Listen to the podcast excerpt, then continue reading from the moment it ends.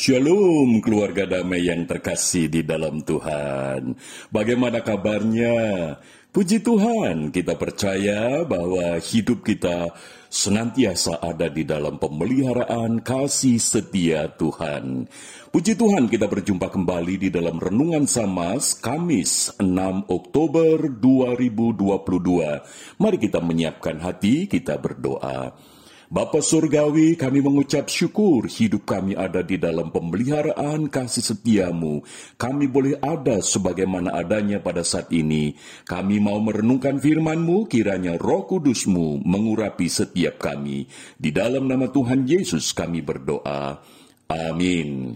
Keluarga damai, tema yang akan kita renungkan bersama, melayani secara kolegial.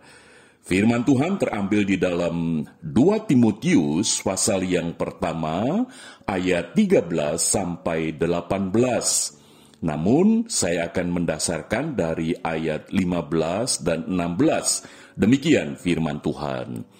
Engkau tahu bahwa semua mereka yang di daerah Asia Kecil berpaling daripadaku, termasuk Figelus dan Hermogenes Tuhan kiranya mengaruniakan rahmatnya kepada keluarga Onesiforus yang telah berulang-ulang menyegarkan hatiku. Ia tidak malu menjumpai aku di dalam penjara. Keluarga damai yang terkasih di dalam Tuhan, tema yang kita renungkan melayani secara kolegial. Di dalam manajemen kepemimpinan Kristen ada istilah kepemimpinan yang melayani, kepemimpinan yang adaptif, dan kepemimpinan yang transformatif. Nah, dari ketiga istilah ini, saya melihat bahwa Rasul Paulus memiliki ketiganya, yaitu Rasul Paulus memiliki kepemimpinan yang sungguh melayani. Apa pun keadaan, dalam kondisi seperti apa pun, dia melayani luar biasa dan dia juga seorang yang memiliki kepemimpinan yang adaptif. Artinya, dia sungguh-sungguh bisa menempatkan diri di mana pun dia berada, supaya orang-orang di sekitarnya itu mengenal akan kasih Kristus. Dan yang ketiga, kepemimpinan yang transformatif. Oh, di sini kita bisa melihat bagaimana kehidupan Rasul Paulus yang dulu sebelum percaya kepada Kristus sangatlah self-oriented, artinya berpusat pada dirinya sendiri. Namun setelah percaya kepada Tuhan Yesus, dia mengalami satu perubahan yang baru, yaitu Hidupnya bukan lagi self-oriented, tetapi others-oriented, yaitu orang-orang yang ada di sekitarnya, bukan lagi dirinya, tetapi orang-orang banyak itu. Itulah yang menjadi karakteristik kepemimpinan daripada Rasul Paulus. Nah, secara khusus ketika Rasul Paulus menyurat kepada Timotius, sebagai surat pastoral kepada anak rohani yang bernama Timotius yang menggembalakan sebuah jemaat yang sangat kompleks pergumulan permasalahan yang dihadapi. Tetapi Rasul Paulus ingin menegaskan bahwa di dalam melayani itu tidak bisa sendirian. Nah, maka di dalam lingkup GKI kepemimpinan yang diterapkan itu adalah kepemimpinan kolektif kolegial. Maka itu kalau tadi tema yang kita gumulkan, kita renungkan bersama, melayani secara kolegial artinya melayani bersama-sama dengan orang-orang yang terpilih, yang terpanggil. Maka itu ketika Rasul Paulus menyurat kepada Timotius, Rasul Paulus menyebutkan beberapa nama yang ada di tengah jemaat yang dilayani oleh Timotius, yaitu Vigelius dan Hermogenes, Onisiforus, dan mungkin ada yang lain, tetapi yang dicantumkan di sini adalah nama-nama yang menyebutkan peran mereka di dalam pelayanan. Jadi dalam hal ini Paulus menjalankan kepemimpinan kolegial melayani bersama-sama dengan orang-orang di sekitarnya.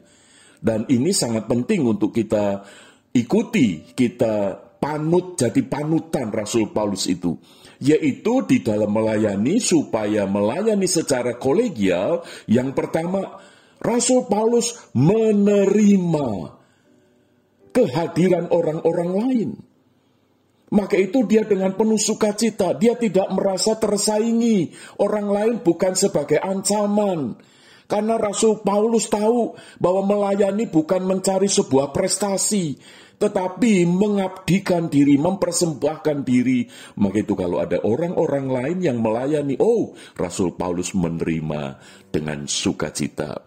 Yang kedua, Rasul Paulus ketika melayani secara kolegial, Berarti Rasul Paulus memberdayakan, bukan hanya menerima, tetapi juga memberdayakan.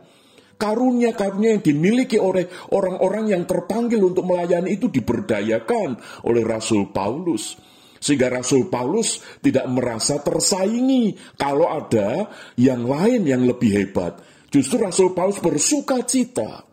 Yang ketiga, Rasul Paulus bisa melayani secara kolegial karena Rasul Paulus maju bersama-sama. Ketika menerima, ketika memberdayakan, maka bersama-sama Rasul Paulus maju pelayanan.